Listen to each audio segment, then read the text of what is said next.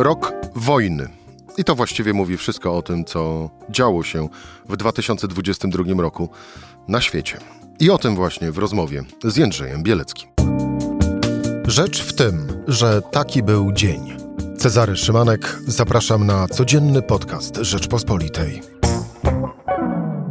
22 dzień grudnia, czwartek. Jędrzej Bielecki, dział zagraniczny Rzeczpospolitej. Jędrzej, dzień dobry. Dzień dobry.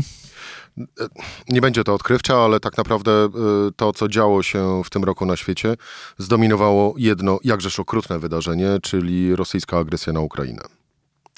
No, oczywiście, że tak, chociaż trzeba przypomnieć, że Amerykanie już ostrzegali o tym, że coś takiego może się zdarzyć y, w listopadzie, grudniu, czyli już w 2021 roku. Wtedy mało kto im wierzył, w zasadzie tylko Brytyjczycy.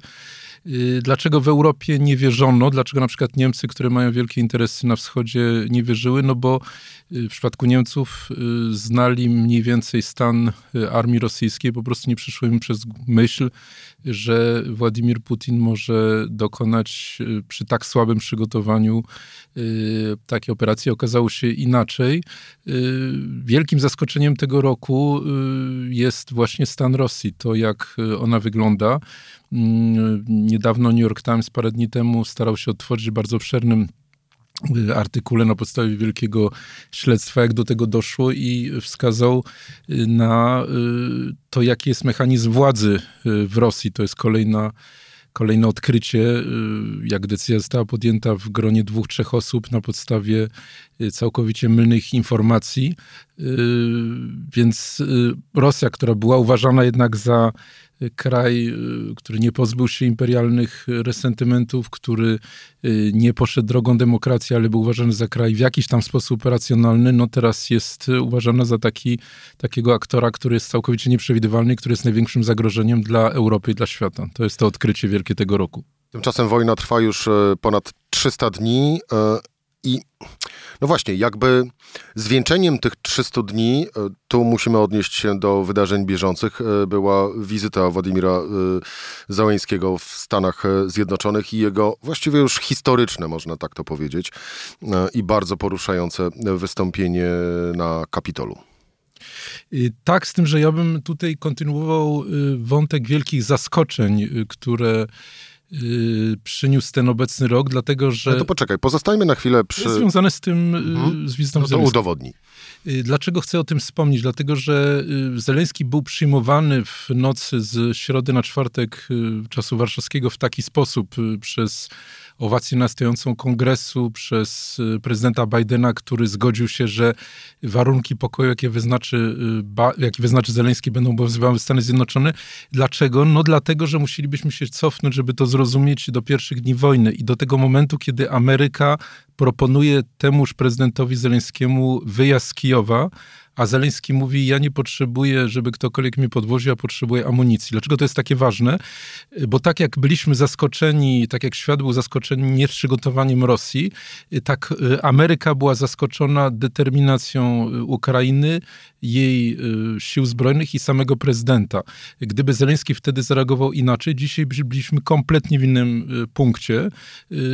Po prostu byłaby okupacja rosyjska mm, znacznej części Ukrainy, być może całej.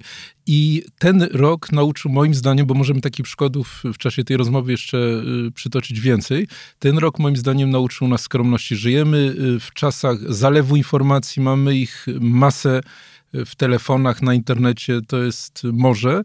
I żeby odsiać z tego morza cokolwiek, co jest wartościowe, okazuje się, że to jest bardzo trudne, dlatego że nawet te kraje, które mają ogromną wiedzę nie wiem, z satelitów, z wywiadu, popełniają fundamentalne błędy, czy przynajmniej kompletnie mijają się z rzeczywistym opisem sytuacji.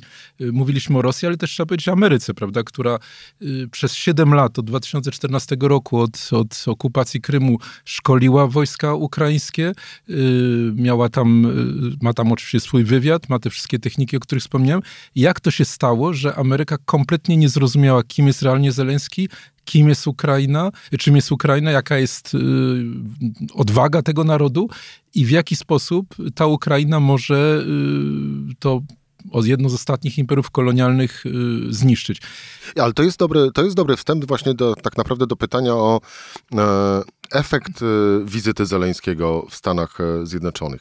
Czy po tej wizycie Amerykanie, szczególnie amerykańskie władze, zrozumieją, czym jest, a właściwie zrozumiały, czym jest tak naprawdę Ukraina, czego efektem może być kontynuowanie pomocy wa walczącym Ukraińcom? No tam był taki bardzo ciekawy moment po wyjściu z dwu i pół godzinnego spotkania w cztery oczy Zeleńskiego z Bidenem, y, kiedy prezydent Stanów Zjednoczonych y, złożył takie oświadczenie y, po tymże spotkaniu i przez, chwil, przez chwilę jak gdyby zawahał się, chciał powiedzieć, użyć słowa negocjacje, zatrzymał się, zrozumiał, że w towarzystwie prezydenta Ukrainy to nie jest słowo, które można użyć. I za chwilę już mówił o tym, że to Zeleński ustali, jakie będą warunki pokoju, że musimy razem wspólnie przejść przez 23 rok, czyli że ta wojna będzie trwała jeszcze bardzo długo, y, że Ameryka pozostanie z Ukrainą tak długo, jak to będzie potrzeba. Czyli krótko mówiąc, oddał los tej wojny y, w ręce Zeleńskiego. Oczywiście Ameryka jest superpotęgą, więc to nie jest tak, że ona y, jak gdyby ślepo będzie szła za prezydentem Ukrainy, natomiast to jest ten wniosek z tego pierwszego, tej pierwszej fazy wojny. No okazało się, że po prostu to będzie, to będzie tak jak Afganistan był dla Związku Radzieckiego początkiem rozpadu, tak po prostu Ukraina prawdopodobnie będzie początkiem y, końca, y, przyspieszonego być może, y, tego, tej, tej Rosji imperialnej, autorytarnej i tego się nie spodziewał Biden. Rosji, która mogłaby być przecież sojusznikiem Chin, więc on zobaczył, że to jest absolutnie wspaniała mm, wspaniały, to jest as Ameryki po prostu. Zeleński jest asem Ameryki. No i też wpisuje się w wewnętrzną politykę amerykańską, no bo przecież Ameryka, Ameryka czekają wybory w 2024 roku opada to zagrożenie powrotu Trumpa do Białego Domu, ale wciąż jednak jest obecne. Y, no i tutaj nie ma lepszego bohatera w tym zjednoczonym froncie wolnego świata przeciwko autorytaryzmowi, zarówno na zewnątrz, jak i temu wewnętrznemu autorytaryzmowi w Stanach Zjednoczonych, niż właśnie Zeleński. No, to, to bohater, który jest absolutnie wymarzonym bohaterem w tej psychice amerykańskiej. Podsumowując i kończąc ten wątek, e, ten wątek rozmowy, mm, czy to oznacza, możemy teraz powiedzieć, po, mm, zarówno po tych 300 dniach wojny, jak i również po tej y, wizycie ukraińskiego prezydenta y, w Białym Domu i na Kapitolu, że Stany Zjednoczone będą trwały przy Ukrainie w tej wojnie do ostatniego dnia?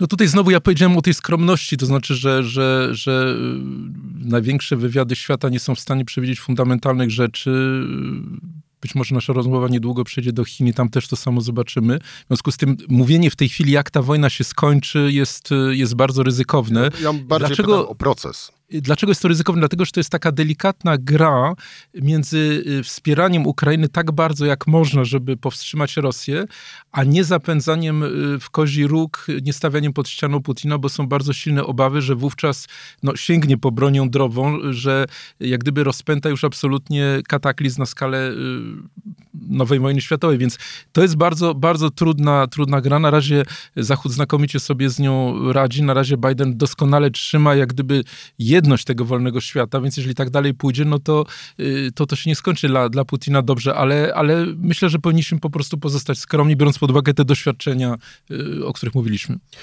Mała przerwa w byciu y, skromnym, bo teraz bardzo ważny, przynajmniej dla nas, dziennikarzy Rzeczpospolitej, komunikat. Poznaj mocne strony Rzeczpospolitej. Wejdź na prenumerata rp.pl. Polecam. Bogusław Rabota, redaktor naczelny. No to idźmy dalej, Jędrzej, tropem owej skromności, a właściwie być może braku tej e, skromności. E, Chiny i ich przywódcę Xi Jinpinga e, zaliczyłbyś do skromnych czy nieskromnych?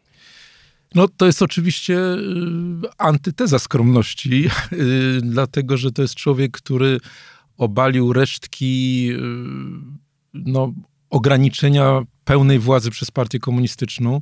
W listopadzie, prawda, mieliśmy do czynienia z y, przyznaniem mu trzeciego mandatu wbrew tej zasadzie, która została ustalona po, po śmierci Mao, która to ograniczała. Y, ale z drugiej strony y, to, jak się rozwija w tej chwili pandemia, w tych dniach pod wpływem protestów, ale także z powodu załamania gospodarki chińskiej, on zdecydował się na pełne uwolnienie zasad restrykcji oddalenia społecznego, doprowadzając do absolutnej katastrofy. No, eksperci na przykład Uniwersytetu w Hongkongu mówią o tym, że to się skończy w ciągu 3-4 miesięcy milionem ofiar. 60% Chińczyków będzie zarażonych tym wirusem, 10% ludności świata. No bo w ogóle to jest kraj kompletnie nieprzygotowany. Więc co to znowu pokazuje? No to pokazuje, że bardzo wielu było takich, którzy uważali, że Chiny znalazły znakomity model rozwoju, że y, żeby zbudować największą gospodarkę świata, wcale nie potrzeba niezależnych banków, wcale nie potrzeba niezależnego sądownictwa, wcale nie potrzeba demokracji. Y, byli zafascynowani, kiedy tam jechali, nie wiem, tymi wieżowcami, które, które widzieli, tymi autostradami. Wielu wpadło w tą pułapkę. I nagle co się okazuje? Nagle okazuje się, że y, to jest reżim, który popełnia fundamentalne błędy, dlatego że mowa o kraju, który na przykład z powodu jakiegoś chorego nacjonalizmu nie kupuje y, szczepionek, y, skutecznych szczepionek, nie wiem, od Moderny, od Pfizera, y, nie ma rozwiniętego, czy, czy na przykład nagle odkrywamy, że to jest kraj, w którym połowa tak zwanych lekarzy w ogóle nie ma żadnego dyplomu lekarskiego. No te, te, od, widzimy, że to w znacznym stopniu była taka wioska potiomkinowska, ten cały system. Czy w takim razie e, postawisz tezę, że to może być początek schyłku tych władz yy, Chin? No myślę, że one łatwo nie oddadzą y, tego, tej władzy, dlatego że y, fundamentalny błąd, który był popełniony przez Zachód, y, sądził ten Zachód, że Ameryka przede wszystkim, że Chiny pójdą drogą Korei Południowej, Tajwanu, w miarę jak będą się bogaciły, no to będą szły w kierunku demokracji. demokracji. Dlaczego tak się nie stało? Dlatego, że to całe bogactwo pozostało w ramach szeroko pojętego aparatu partii komunistycznej. Ludzi związanych z nią, ludzi związanych z władzami, która po prostu nie ma żadnego interesu oczywiście w zmianie tego systemu, no bo to jest jak gdyby ich władza, ich bogactwo. W związku z tym sądzę, że to jest faza taka bardzo niebezpieczna, bo yy, chiński prezydent musi znaleźć nowy, nowy model rozwoju, yy, ten oparty o, o ekspo, na, na eksporcie, na globalizacji no nie działa, dlatego że jest recesja w Europie, jest recesja w Ameryce, jest strach przed, y, przed tymi Chinami. Rynek nieruchomości, jedna trzecia dochodu narodowego jest u progu załamania. Y, w związku z tym on musi znaleźć jakiś, jakiś konsumpcja raczej nie będzie szybko rosła w momencie, kiedy ludzie umierają i, i, i, i są zakażeni na COVID, więc on musi znaleźć jakiś sposób na, na rozwój, no bo to był ten przecież wielki deal od, od y, czasów Deng Xiaopinga między społeczeństwem społeczeństwem chińskim, a, a władzami. Nie ma demokracji, ale dzięki nam bardzo szybko będziecie bogatsi. Na razie czegoś takiego nie widać. Wzrost gospodarczy, na przykład według Banku Światowego, będzie mniejszy niż 3% w tym roku, co, co dla kraju na poziomie rozwoju Białorusi jest, jest fatalną wiadomością. No i tu oczywiście się pojawia y, temat Tajwanu, prawda? To znaczy, czy y, chińskie władze będą szukały sposobu, żeby odwrócić uwagę społeczeństwa takim uderzeniem. Na razie, i tutaj wracamy do Zeleńskiego, na razie kłopoty, jakie ma Putin w, y, no, w Ukrainie. No oczywiście nie skłaniają Chiny do pójścia tą drogą, ale sytuacja jest bardzo niestabilna, bo wchodzimy w zupełnie nowy układ. To nie jest tylko nowy układ w Ameryce, to nie jest tylko nowy układ w Europie, ale to jest, też jest nowy układ y, w Chinach i moim zdaniem Xi Jinping na razie nie ma pomysłu, jak, jak, jak z tego wyjść. No właśnie. E, to połączmy teraz e, jeden i drugi wątek naszej rozmowy w, w konkluzję dotyczącą tego, jak może 2022 rok i te wydarzenia, e, które cały czas jeszcze, no bo trwa, obserwujemy, jak ten rok może zmienić układ sił na świecie w tym globalnym spojrzeniu w roku przyszłym i w kolejnych? No to jest, to jest sytuacja bardzo dynamiczna, więc y, trudno powiedzieć, czy, czy na razie wydaje mi się, że, że trudno wyrokować, y, kto z tego może być zwycięsko, dlatego że y, gdy idzie o Stany Zjednoczone, prawda, powtórzę, były zaskoczone y, Ukrainą, y, zeszły rok kończyły porażką w Afganistanie. Y, w tej chwili mamy dobre wiadomości na froncie utrzymania rządów prawa i osłabienia wpływów Trumpa, ale to są bardzo świeże rzeczy, wynikające chociażby z jego pro problemów prawnych, z na przykład ujawnienia po raz pierwszy jego, jego finansów, jego, jego rozliczeń podatkowych. W związku z tym Ameryka wydaje mi się, że ciągle jest bardzo wciągnięta we własne problemy i, i, i nie wiadomo, czy, czy, czy, czy jak gdyby, czy wyjdzie, czy wyjdzie z tego zwycięsko. Na razie wiele wskazuje, więcej wskazuje niż, niż, niż rok temu, że tak, ale to trzeba być ostrożnym. Niemcy, przywódca naturalny Europy, także nie mają w tej chwili nowego modelu rozwoju. Skończyła się tania energia z Rosji, y, zamyka się rynek chiński z powodów, jakie, jakie widzieliśmy. Na przykład y, taką jedną liczbę przytoczę y, tego uzależnienia. Volkswagen sprzedaje w tej chwili 40% swoich samochodów w Chinach. I gdzie on ma te samochody sprzedawać? W Polsce nikt nie będzie tego kupował. Ludzie nie mają pieniędzy, wchodzi, wchodzimy w czasy recesji, więc Niemcy nie mają nowego sposobu na, na wzrost, też go szukają. W Europie Macron nie ma większości w parlamencie, w Zgromadzeniu Narodowym. Jesteśmy świadkami fali strajków, paraliżu w zasadzie Wielkiej Brytanii.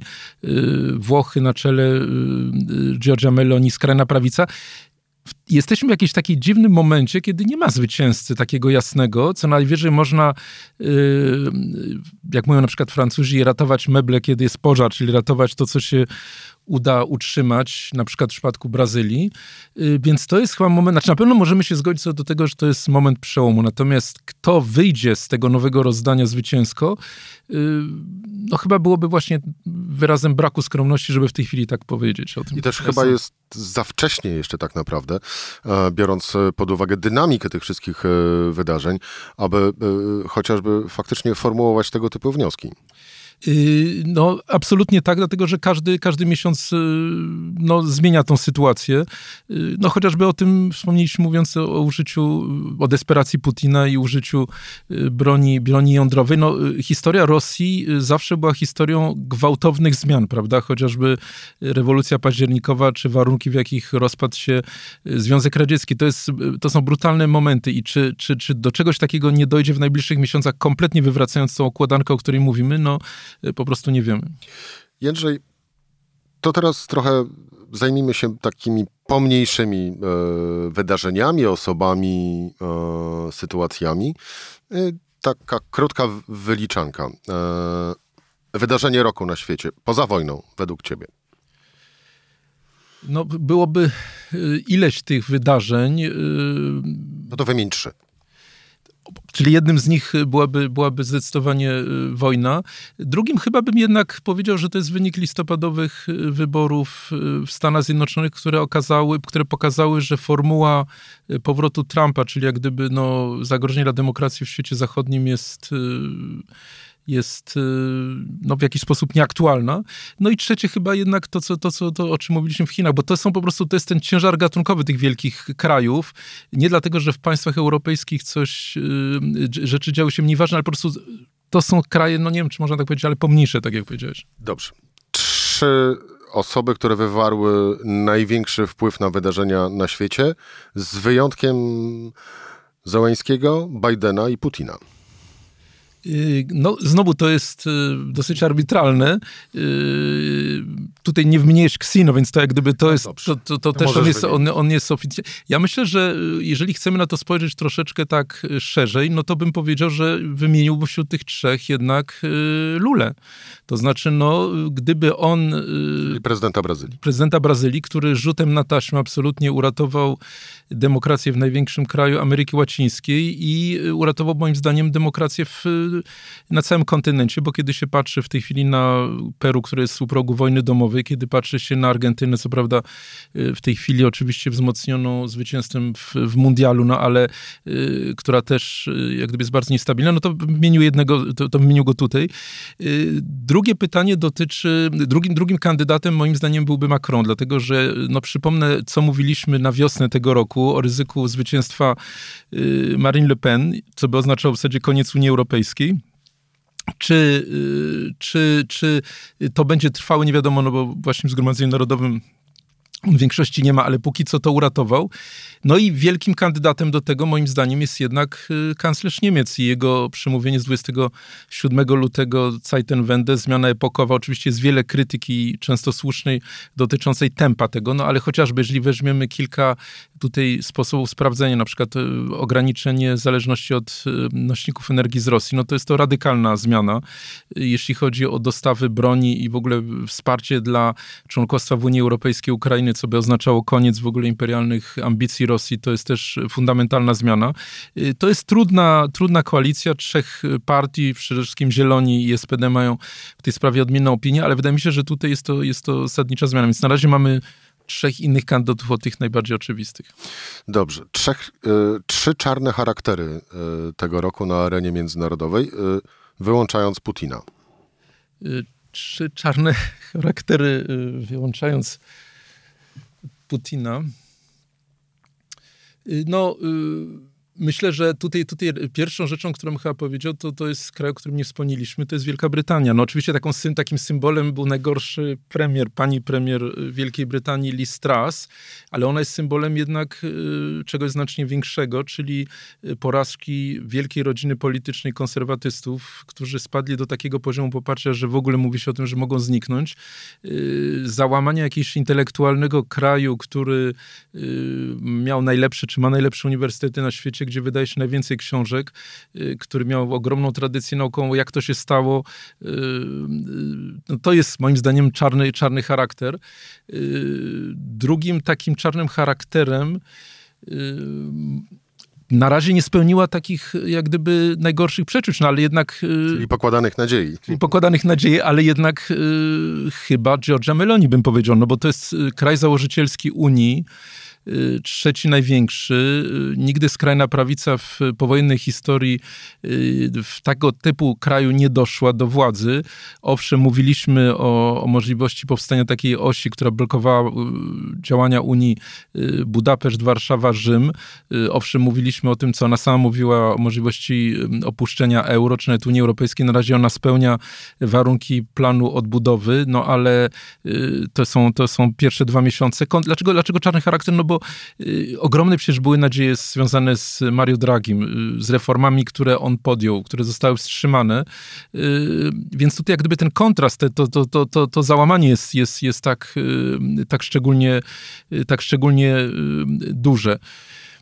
No i trzecim trzecim i trzecim charakterem, który... Nie odpuszczę. trzeci, bo to jest oczywiście z konieczności dosyć trudna, y, trudna analiza, y, wymagałaby. No i tu właśnie, szanowni słuchacze, Jędrzej Bielecki się nad tym wszystkim zastanawia, szuka owego czarnego, czarnego charakteru. To y, pomyśl jeszcze, a w międzyczasie y, o wiele łatwiejsze y, pytanie. Mm, twoim zdaniem wy, zdarzenie, wydarzenie na świecie, bądź też osoba, o której o której oto osobie, bądź też o którym to wydarzeniu, zdarzeniu mówiło się niewiele, a które wbrew pozorom było bardzo ważne dla całości e, wydarzeń na, na, na, na świecie. Jest coś takiego? Coś, co na przykład moglibyśmy powiedzieć, że nie zwróciliśmy na to uwagi, czyli był takim tym motylem, który zatrzepotał skrzydełkami, a z kolei spowodował, e, no właśnie, bardzo duże skutki. Też trudne pytanie. Nie, może chcę odpowiedzialnie na nie odpowiedzieć, więc dlatego się zastanawiam sekundkę. To jest, Szanowni Państwo, y, też bardzo prosty dowód y, na to, że y, my rozmawiamy na żywo i tak naprawdę z tych rozmów później nic nie wycinamy i one po prostu są emitowane mm, w takiej mm, postaci, w jakiej zostały, zostały nagrane, czyli prawda czasu, e, prawda, no nie ekranu, prawda słuchawek i mikrofonu. Czy już się zastanowiłeś, Andrzeju? Jeszcze jeszcze. Szanowni Państwo, postaram się y, za, zagadywać jeszcze, chociaż tak naprawdę to Jędrzej jest od tego, aby to, y, to robić. Jędrzej, czas na zastanawianie y, się już minął. Bardzo proszę. Od czego chcesz zacząć? Od owego małego, przemykającego może... wydarzenia, czy od czarnego charakteru? Zacznijmy od tego pierwszego w takim no razie. No dobrze, no to w takim razie co było, nie wiem, wydarzeniem, zdarzeniem, osobą, która była w swoim pierwotnym znaczeniu niepozorna, która w Twoim zdaniem spowodowała bardzo e, dalekosiężne skutki? Ja bym powiedział, że to jest coś, co jest e, bliskie także Twoim zainteresowaniom, dlatego że e, to jest wynikiem e, w jakiś sposób porażki w walce ze zmianą klimatu, ale nie tylko o to chodzi, bo to jest także efekt drożyzny, cen żywności, uwolnienia możliwości podróżowania po pandemii. Myślę o czymś, o czym znaczy nie zwracamy tak bardzo uwagi, dlatego że mamy wojnę. To jest narastająca fala imigracji, dlatego że Europa jest na to zupełnie nieprzygotowana. Jak mówię Europa, to absolutnie włączam to Polskę. Wystarczy przejść się po ulicach, nie wiem, Warszawy, Krakowa czy Poznania i zobaczyć, że jesteśmy już społeczeństwem bardzo różnorodnym. I ta fala imigracji zaczęła posuwać się bardzo, bardzo gwałtowny jest wzrost do Włoch, bardzo gwałtowny jest wzrost poprzez szlak hiszpański. Mówiliśmy o Melonii w kategoriach pozytywnych. Ona tutaj odegrała y, rolę negatywną, ale już była tym czarnym charakterem z innego powodu, mianowicie nie zgodziła się na wpuszczenie y, jednego ze statków y, z uchodźcami i w końcu został przyjęty przez Francuzów, ale to jest wyzwanie, przed którym Europa stoi i który moim zdaniem w ciągu najbliższych miesięcy y, okaże się absolutnie czołowy, dlatego że jeżeli ruszy wielka fala, ja pamiętam, miałem taką rozmowę jakiś czas temu z urzędnikiem Komisji Europejskiej odpowiedzialnym właśnie za te kwestie. On mówi, y, Egipt 100 milionów ludzi. Y, ogromna część to są młodzi ludzie. Jeżeli okaże się, że tam sytuacja gospodarcza jest dramatyczna, w tym kierunku to idzie i ruszy wielka fala właśnie z Egiptu, no to Europa jest ugotowana, dlatego że co można zrobić? Nie można do tych ludzi strzelać. Jesteśmy, żyjemy w czasach internetu, wszystko widać. Yy, oczywiście jest to absolutnie nie, niemoralne. I w związku z tym i wtedy, i wtedy Europa będzie, będzie skazana po prostu na no, no, jakiś kataklizm. Jeżeli miałbym mówić o takim wydarzeniu, to, to, to raczej to, dlatego że wydawało się, że 2015 y, rok, y, porozumienie między innymi, jakie podpisała Angela Merkel z prezydentem Turcji, y, jak gdyby zgoda na dyktatury w, w, w, kolejnych krajach Afryki Północnej, Bliskiego Wschodu, ostatnio już nawet Tunezji nie ma demokracji, że to załatwi sprawę. Ale to tylko było takim, no zresztą typowe dla, dla kanclerz Merkel, takim z zamieceniem sprawy pod dywan. Pod dywan i po prostu kwestia będzie wracała teraz z ogromną siłą ze względu na desperację ludzi i na to, co ty, o, o, czym ty wielokrotnie mówiłeś, to znaczy, y, że, tak, że ten kryzys klimatyczny po prostu ludzi wypchnie kompletnie z, y, no właśnie z tych rejonów, które są najbardziej tym dotknięte, a Europa i psychicznie, mentalnie i, i, i w sensie gospodarczym, przypomnę, że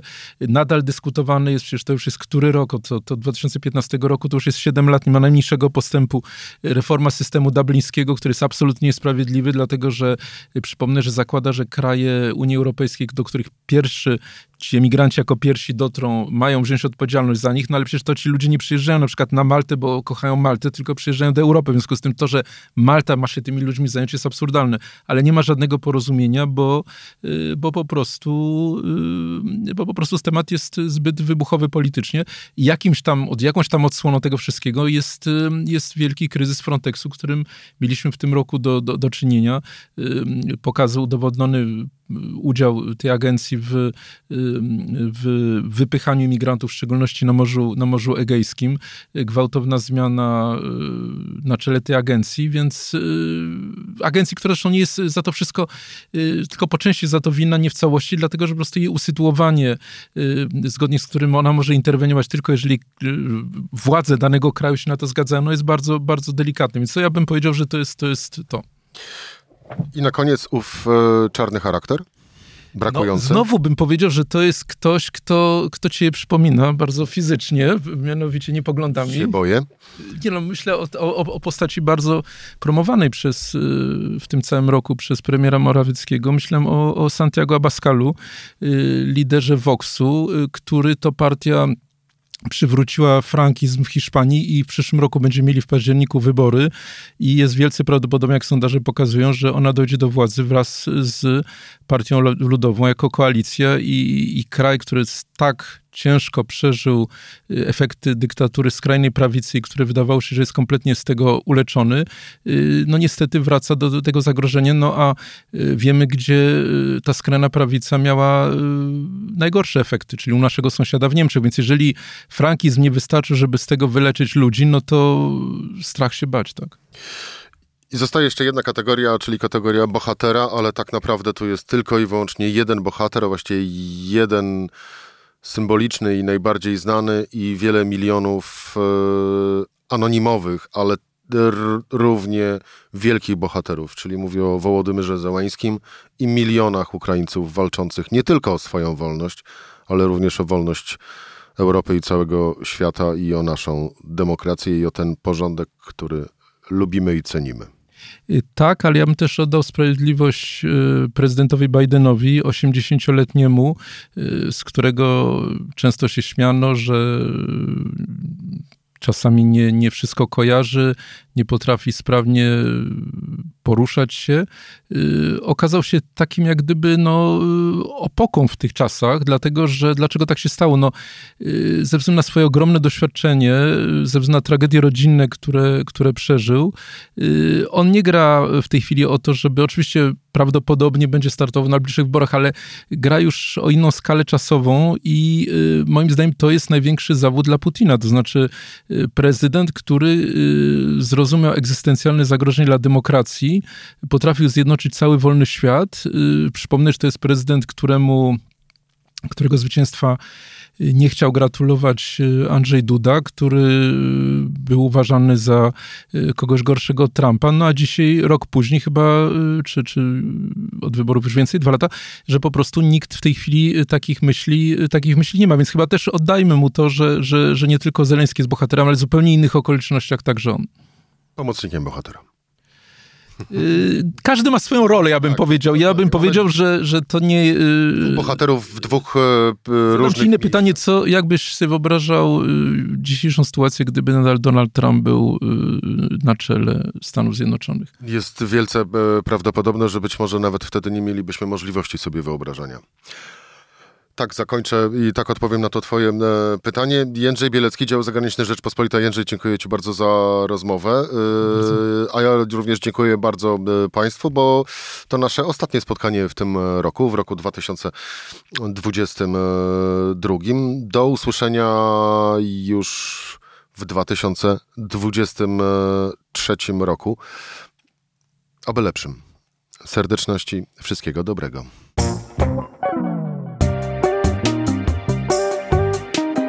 Rzecz w tym to codzienny program Rzeczpospolitej. Od poniedziałku do czwartku o godzinie 17. Słuchaj na stronie podcasty.rp.pl. Włącz Rzecz w tym w serwisie streamingowym.